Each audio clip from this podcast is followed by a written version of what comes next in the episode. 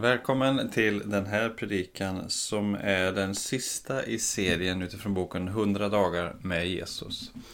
Idag är det dag 99 och texten för dagens predikan är från Johannes evangeliets 20 kapitel och verserna 21. Då står det så här.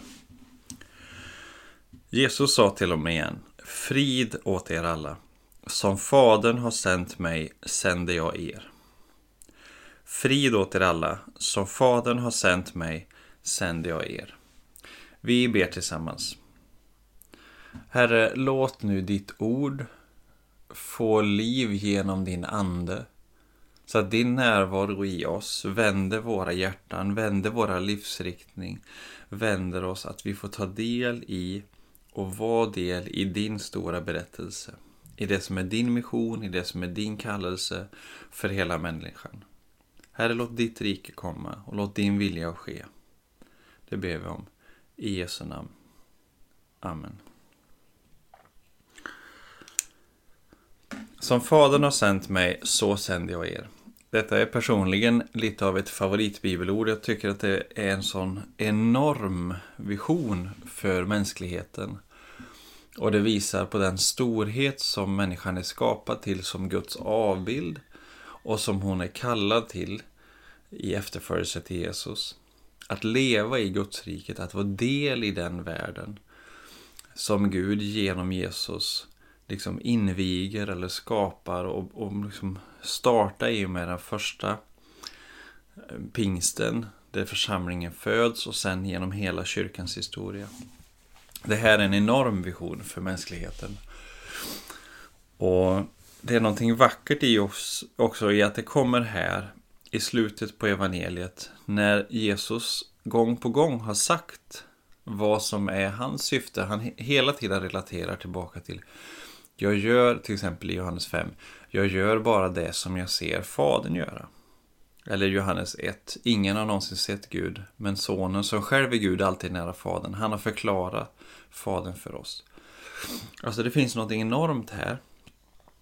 Att så som Jesus förklarar, gestaltar Faderns väsen för människorna runt omkring honom, så inbjuder han församlingen att gestalta Guds väsen, alltså gestalta Guds karaktär genom våra liv. Det här är ju någonting som gör att det svindlar för oss. Och det är lätt att känna att Nej, men det här är helt omöjligt och så på något sätt packa ihop väskan och ställa in den i garderoben. Istället för att nej, att hålla visionen högt av vad Jesus tänker om oss. Och låta hans barmhärtighet omsluta oss i våra tillkortakommande när vi är på väg. Han liksom sänker inte visionen eller drömmen för mänskligheten när han möter våra tillkortakommande. Utan istället så ger han oss förlåtelse, barmhärtighet. Han ger oss anden som en kraft inifrån som vänder oss till det som vi är skapade till.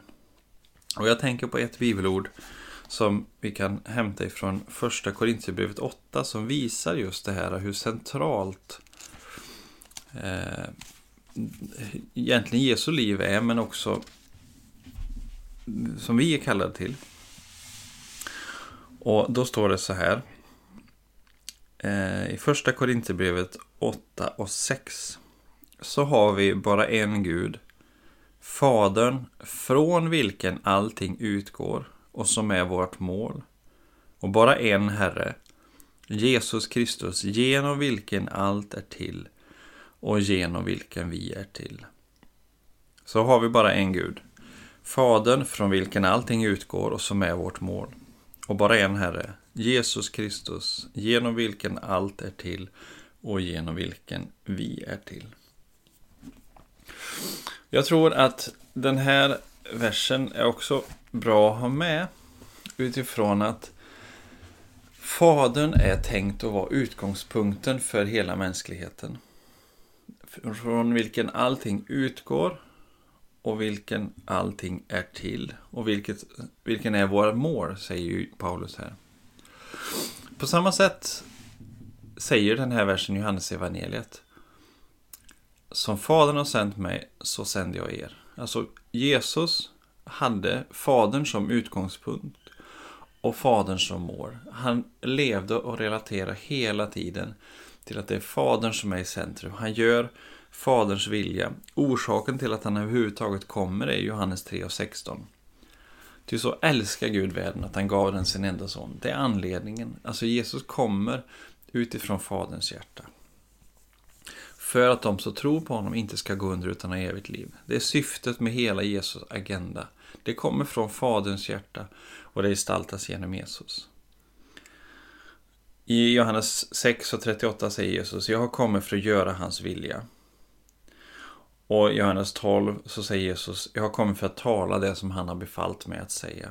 Alltså Jesus utgår ifrån Fadern och hans mål är tillbaka till Fadern. Det är det liksom som hela hans livsrörelse eh, finns. Och just det här att ha Fadern i centrum, att vara, vara del av den berättelsen som är Guds berättelse, Guds historia, kyrkans historia, att också kliva in och bli en del av den, är någonting som för vissa är ganska självklart och för andra är en utmaning. Och jag tänker i, i, vårat, i vår tid som vi lever nu, där vi ofta beskrivs som individualister, så blir detta en extra svårighet ibland.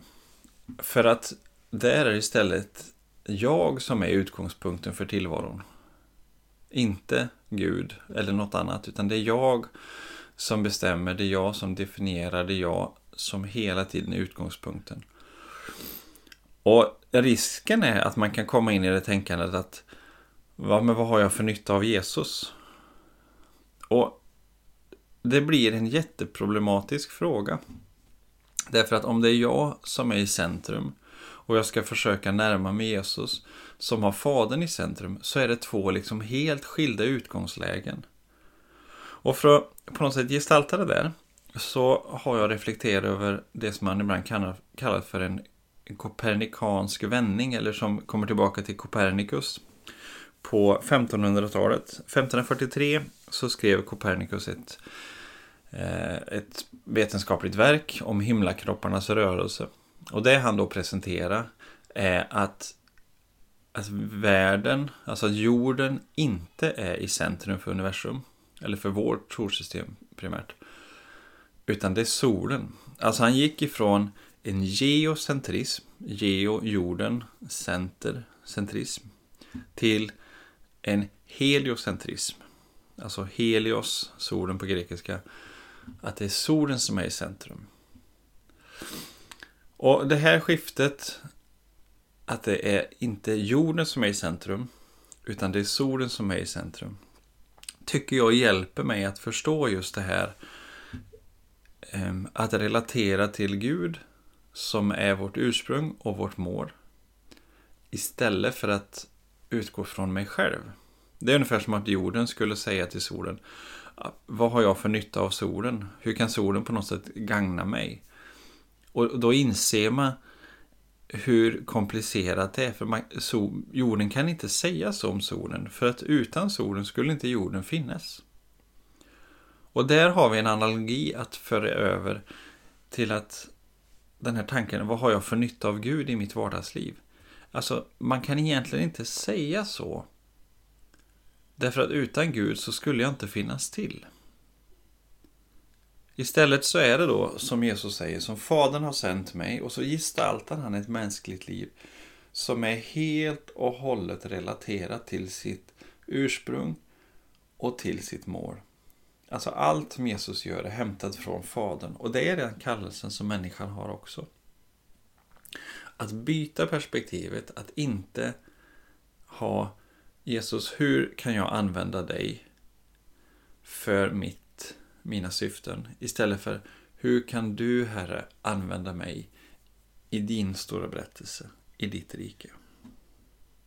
Och där så lämnar Niklas oss på dag 100 med ett blankt ark.